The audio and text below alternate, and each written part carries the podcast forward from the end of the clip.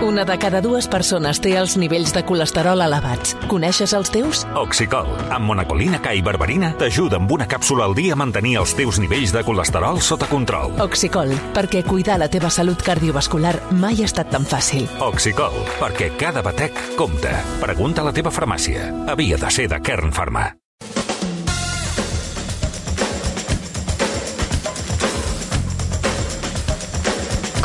Marta Arroyo, com estàs? Bon dia, molt Què bé. tal l'estiu? Molt bé, Sempre es posa bé l'estiu, eh? L'agost. sempre. Estem a les portes de setembre. Ahir en parlàvem, eh? És una època de començar projectes i som un país d'emprenedors i segur que molts us heu aventurat a fer una empresa, o molts penseu fer-ho, o molts teniu idees al cap. Com que, no sab, com que sabem que no és fàcil, avui l'hem demanat a la Marta Roy Espinet que torni a venir. La Marta és, és economista, és publicista, de fet ella té una consultoria, Mosaic in Comunicació, que es dedica bàsicament a això, assessorar emprenedors, petites i mitjanes empreses, el que sempre diem les PIMEX, que al final formen el, el teixit de Catalunya, i a convèncer-los, ella fa això. A veure, de fet, mm, no ens ve vendre el seu producte, sinó que el que li demanem és que ens ajudi a, a que tothom compri productes d'aquests, no? Convèncer-los de, de la importància de la publicitat, de la comunicació, del posicionament a les xarxes, de la necessitat de tenir una, una marca.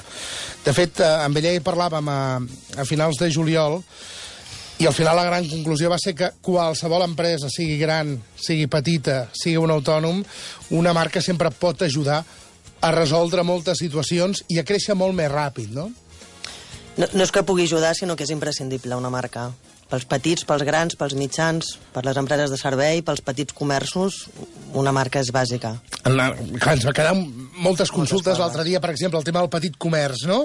Uh, si ens hem de si ens hem de convèncer que necessitem una marca més enllà de forn, de pa del barri o del que sigui, no? d'aquell nom de la família, d'allò que no té el logotip, al final necessitem que visualment ens puguin identificar molt bé. Sí, més els petits comerços que solen estar doncs, a territoris eh, petits, és a dir, en un barri, en un poble, en un, po en un barri, pots trobar, al meu barri, mm, potser hi ha 5, 7, 10 perruqueria, perruqueries, perdó. Aleshores, per què haig d'anar a una perruqueria i no en una altra? Més enllà del servei, donem per, per fet que la perruqueria talla bé els cabells, si talla malament els cabells, malament ratlla, i que més en un moment de crisi com el que estem vivint, mm, tampoc serà molt cara perquè el preu ja no diferencia també, és a dir, en un moment com el que estem vivint, si et diferencies pel preu tens un problema perquè vindrà algú a preus més barats i et rebentarà. Aleshores, com per exemple una perruqueria es pot diferenciar?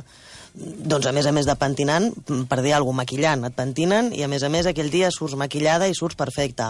O, o que hi puguis anar amb els teus fills i, i et guardin, entre cometes, els nens mentre et pentinen. O jo que tot el dia estic amb el mòbil, amb l'ordinador, no sé què... Que te'l doncs- deixin carregar. que me'l deixin carregar i que hi hagi wifi, perquè clar, si no em carrego el 3G amb, amb, amb, amb el fong, amb res. Aleshores, intentar trobar serveis que tu et satisfaguin. Aquest és un debat, això. perdó, et això, satisfacin. això de les xarxes de, de wifi, inclús el mateix carregador, és un, un debat apassionant, Un debat, perquè sí. encara costa, eh? Encara costa. Uh, per què es dona prioritats a altres aspectes i a vegades el tema de la marca queda... Ja ho anirem fent, ja ho anirem fent, no? Jo crec per, de, per desconeixement i perquè s'ha donat el cas de que les marques, eh, històricament, ha, estat patrimoni de les grans empreses, i això és mentida, i això és una cosa que hem d'anar trencant, i una miqueta el, els, les consultories petitones com jo intentem trencar aquest mite i aquest tabú. Igual que per fer publicitat no has d'anar amb una gran empresa, amb una gran multinacional, mm, perquè publicitat en podem fer o podem oferir als petits igual que als grans, doncs, doncs eh, si ets petit també n'has de fer. És a dir, una peixateria també es pot publicitar, o un taller de cotxes. No has de ser una gran marca mm, que vagi als grans mitjans i que compri un pla de mitjans enorme per fer publicitat. Som emprenedors, ho voleu ser? 902 477 100. Ara anem a saludar l'Alberta de l'Illa. Um, una pregunta més. Quins són els grans errors que solen cometre els emprenedors o les petites empreses quan, quan afronten tot aquest debat? Doncs hi ha un error molt, molt important per mi, que és que confonen l'informar amb el comunicar. Això ja, ja em sembla que en vam parlar l'altre dia. O sigui, comunicar és, és, és una cosa i informar és una altra. I parlo amb un gran comunicador, amb la qual va dient que sí. Eh, comunicar és crear que sí, de la empatia. mateixa manera com, com No, això és- propaganda i publicitat electoral Ah, és totalment diferent. també, també, aquesta també és bona, aquesta en podríem parlar també, largo i tendido, i a més ara que s'acosten les eleccions i de més. Però quina diferència hi ha entre comunicar i informar? Informar és donar tota una sèrie de missatges sense, entre cometes, esperar que el teu interlocutor mm, et contesti o et digui res, tu informes, doncs aquest comerç està obert a tal hora, aquest és el preu, a, a, aquestes són les característiques, però comunicar és intentar crear empatia amb el teu consumidor, amb el teu usuari.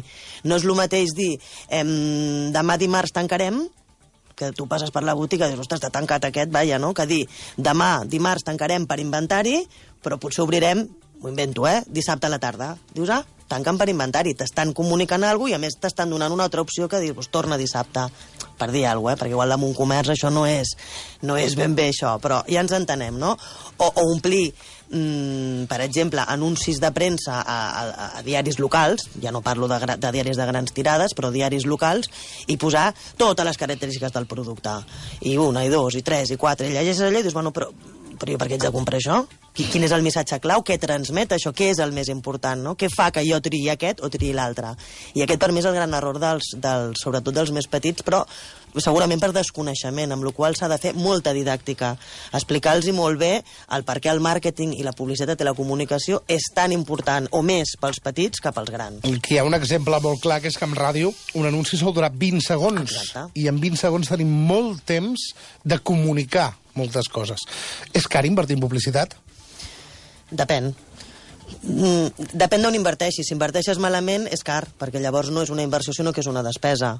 Però si tu inverteixes bé en publicitat segons els teus objectius de comunicació, segons la teva estratègia de comunicació i els teus objectius de comunicació, aleshores eh, ho, ho veuràs tu mateix, o ho veurà l'empresa mateixa que anirà veient el seu retorn a la inversió. És a dir, si tu fas una campanya a xarxes socials i els teus objectius són, per dir alguna a Facebook, guanyar seguidors o, o, o, o a Twitter mmm, guanyar mencions, tu mateix veuràs el teu retorn a la inversió. Si ho fas bé, no és car, al contrari. Hi ha consultes que són interessantíssimes. Comencem a l'ella. Albert, bon dia. Sí, hola, bon dia. Endavant, sisplau. No, jo, jo volia fer un preàmbul. Bueno, en primer lloc, eh, totalment d'acord amb el que comenta la companya, no? perquè Gràcies. eh, jo no tinc coneixements de màrqueting, però sí que eh, estic totalment d'acord amb el que ha comentat. Jo eh, treballo en una editorial jurídica, que és centenària. Eh, es pot dir el nom o no? O... Sí, endavant. Bueno, és, és Aranzadi, que dintre del món legal o jurídic eh, té un prestigi enorme. I jo el que comento moltes vegades és que a la, la marca a mi em facilita molt, però també és qüestió nostra, diguem-ne, quan parlo nostra vull dir tant de tots els membres de l'editorial, siguin comercials, siguin redactors, siguin el que siguin, o investigadors, que és responsabilitat nostra perpetuar aquest prestigi. Aquest posicionament de marca, des del meu punt de vista, eh, en el màrqueting s'ha de traduir amb el que ell estava comentant, que nosaltres ho diem, en transmetre beneficis, és a dir, comunicar benefici, no característica. Perquè jo crec que el bo és parlar de benefici, perquè un client o un usuari que puguem tenir nosaltres no li interessa saber quants números de sentències tenim del Tribunal Suprem, ni dels TCJs, ni etc. Sinó el que li interessa és que el que a ell li preocupa, el seu assumpte, ho pugui trobar. Val? És a dir, el que vull dir és que és responsabilitat nostra de perpetuar aquesta marca. La marca pot eh, fer moltes campanyes de màrqueting, però si a darrere no hi ha res, no hi ha res. M'explico? Això és evident. Sí, però, però moltes vegades veus, i t'ho dic perquè eh, parlo amb coneixement de causa, Que hi ha moltes empreses que venen fum, no? venen fum, això mateix. I venen... Mira, eh, eh, et seré, no vull carregar-me ningú, ni molt menys, no? però jo tinc casos de gent que em diu no, no, és que teniu el mateix número de sentències, per exemple. Eh? Jo dedico a una base de dades que és de sentències. I et diuen, no, però és que també la trobo, ja, però és que el problema no és trobar-la. El problema és veure com està treballada, veure com està elaborada, com està interrelacionada amb altres sentències, altres àmbits, etc. No? El que vull dir és que el, que el valor afegit que hi ha, que hi donem, sigui en el moment de la comercialització, sigui en el moment de la producció, jo crec que és el factor diferencial. I això el client, al final, ho, transmet, ho, ho valora pel benefici que té, pel retorn, per lo que comentava la- l'experta, Uh -huh. que jo crec que ha encertat amb el clau. Una cosa és comunicar i una altra cosa és publicitar. o perdó, o, o, o donar-ho a conèixer, no? Informar. Marta A- a Royo. informar, això mateix. Perfecte, perfecte. Disculpa, és que jo no tinc aquest argot de màrqueting, m'agradaria, però no, no el tinc. Bueno, però jo crec que és molt important. I tots, I tots els processos, o, perdó, tots els components, o totes les persones que estan vinculades a aquesta marca, han de ser, tenen una responsabilitat afegida de mantenir aquest lideratge, o de mantenir aquesta marca amb aquest posicionament. En, en línia això que dius, sí, totalment d'acord. Em, realment jo sempre ho dic, no? en claus de màrqueting és molt més interessant parlar en clau de benefici que en clau de característica Clar. de producte. Això eh, et dono totalment la raó, és a dir, no, no transmetre mm, lo guapo que sóc o lo bé que ho faig, sinó què, què, què et faig bé a tu. És a dir, què, mateix, què obtindràs si jo et compro a tu i no compro la teva competència? I això és importantíssim. Per exemple, si tornem al petit comerç o als emprenedors, mm, un, el cas d'una peixateria. Jo sempre tinc ganes de treballar per una, per una peixateria per, per oferir-li un eslògan o un claim. No? És a dir, tu vas a la... Què a la és un claim? Un claim és un eslògan, és, és el, el teu missatge clau, és a dir, en què ets millor i amb què et diferencies de la teva competència, dir-ho d'una forma notòria i creativa. El, el famós Nokia, Connecting People, o... O el RAC1 Tots Som U. O el RAC1 Tots Som U, exacte. Però imagineu-vos una peixateria que et, et, et prepara el peix, te'l talla, treu les espines, te'l neteja, no? Aquelles coses que costen de- del peix, no? Quan vas a comprar més, dius, ai, si me'l tallen i me'l preparen, molt millor. Doncs un claim d'una peixateria, peixateria Armenteres o peixateria Rollo... No serà el cas. Peix a punt de menjar, no? O si tu dius peix a punt de menjar... És home, claríssim. És que és claríssim, no? I a més és d'una forma creativa i una forma notòria. És a dir, a punt de menjar t'està donant un benefici claríssim. No, no l'hauré de netejar, les mans no faran pudor de peix, em trauran les espines, pels nens serà molt més fàcil. Peix a punt de menjar és un eslògan boníssim per una peixateria. Albert, paciència, eh, amb el, en el teu camp. Ens, ens fas molta enveja. Va, enveja No, no, no, no, cap, però t'admirem molt. Escolta'm, li puc fer una pregunta a l'Albert? Sí, clar. Quin és el teu posicionament? Quin seria, amb una frase, el posicionament d'Aransadi? Aransadi, Ah, oi? És la teva empresa? Número 1, sí, número 1. Número 1, perfecte. Número u. En clau de De llarg. lideratge, sí senyor. de llarg. Tenim un mercat molt consolidat i Molt bé, molt bé. 100, 102 anys d'història i a part de que eh, formem part d'un grup internacional que és Thomson Reuters, l'agència Reuters d'informació, val?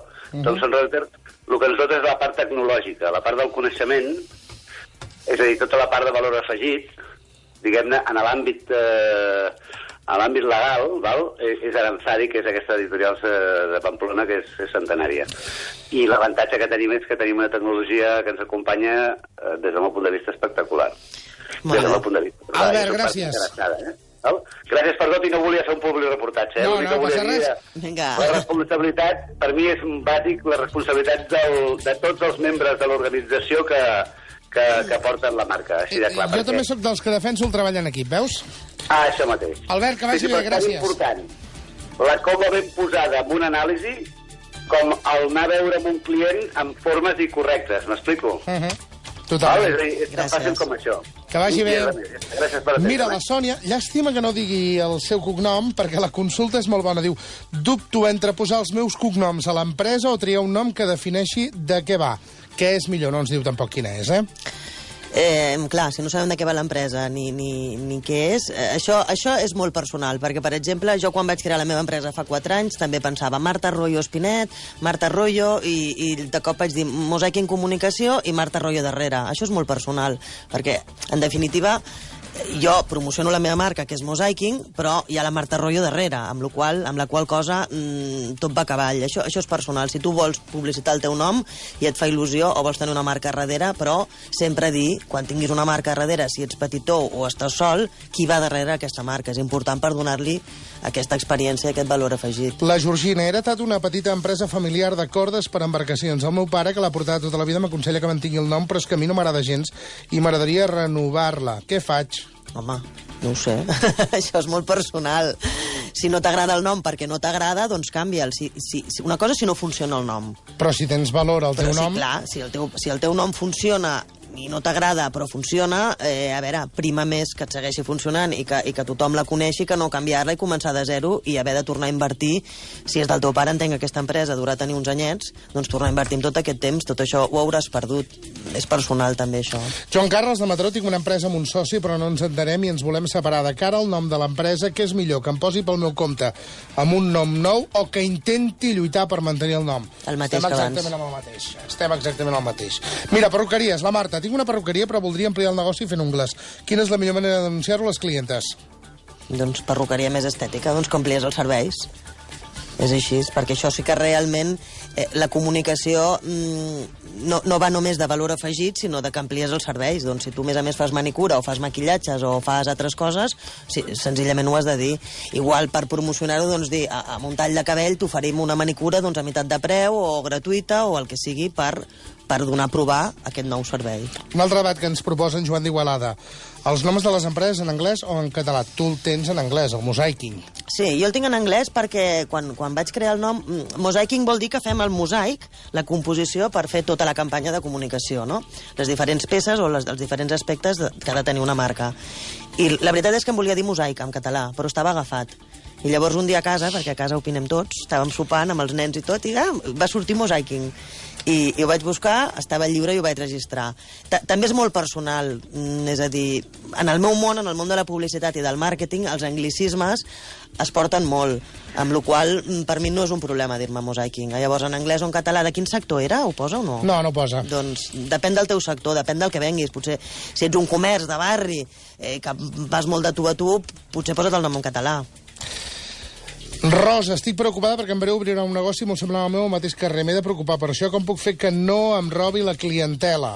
Diferenciant-te. Aquí sí que és un cas diferenciant-te i fidelitzant els teus clients. Si tu ja portes un temps i, i, i manes, entre cometes, en aquell carrer, en aquell negoci, fidelitza. És a dir, no permetis que marxin. I si ho fas bé i realment és així, creu-t'ho. Això també és molt important. Quan ho fem bé ens, ens ho hem de creure que ho fem bé.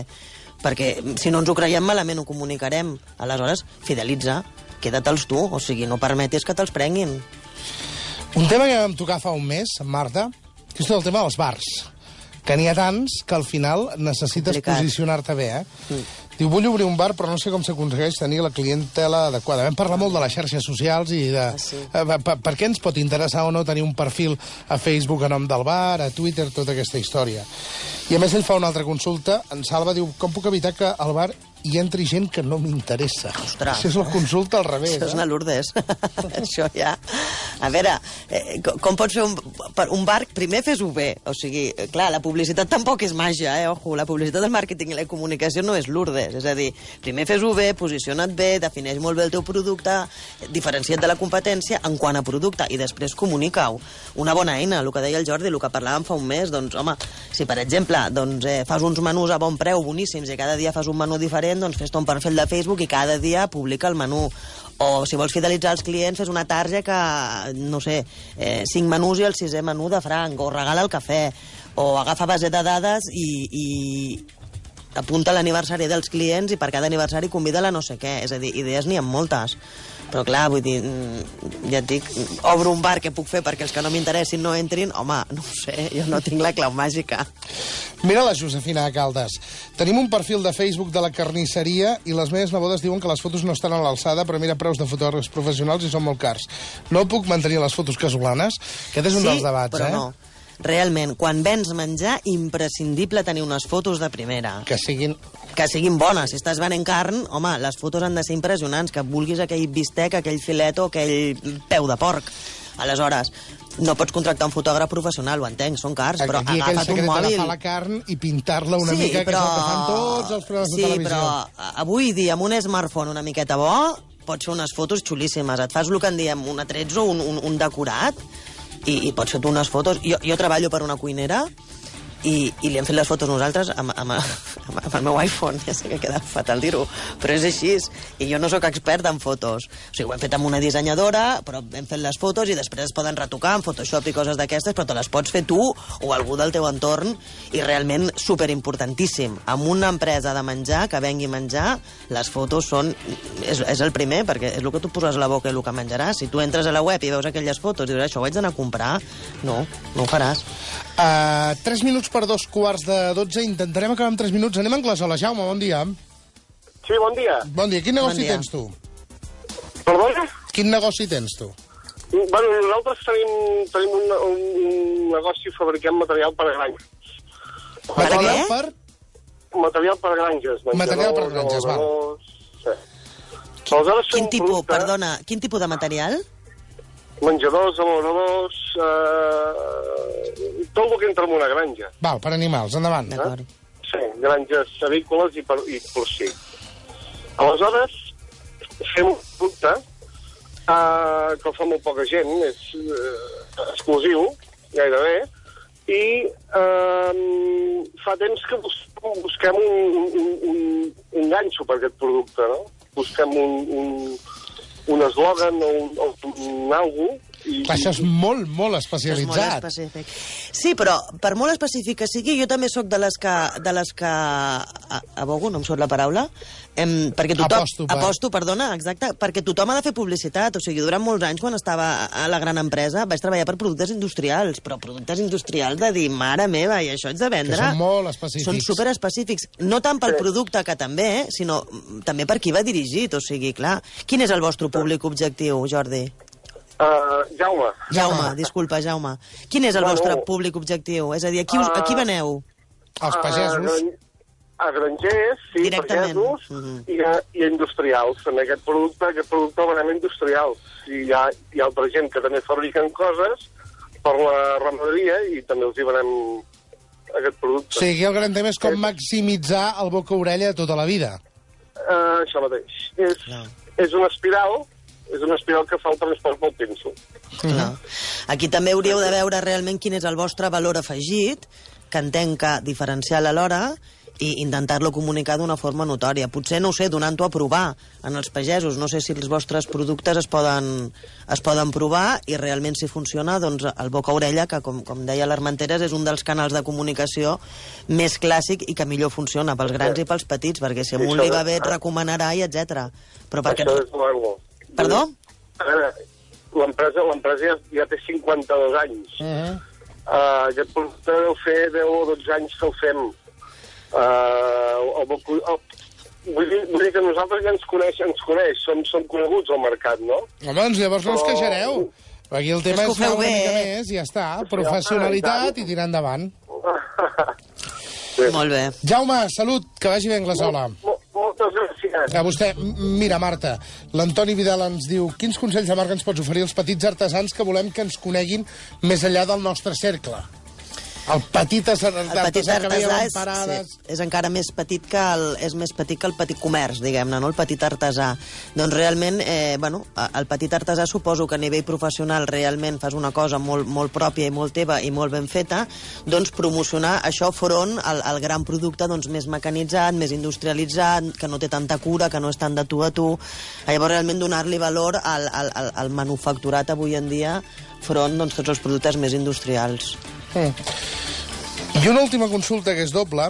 D'entrada, Carles de Sants de Barcelona, em vaig gastar molts diners en pagar un dissenyador perquè em fes una pàgina web i resulta que ara tothom diu que es veu, que es veu molt antiga.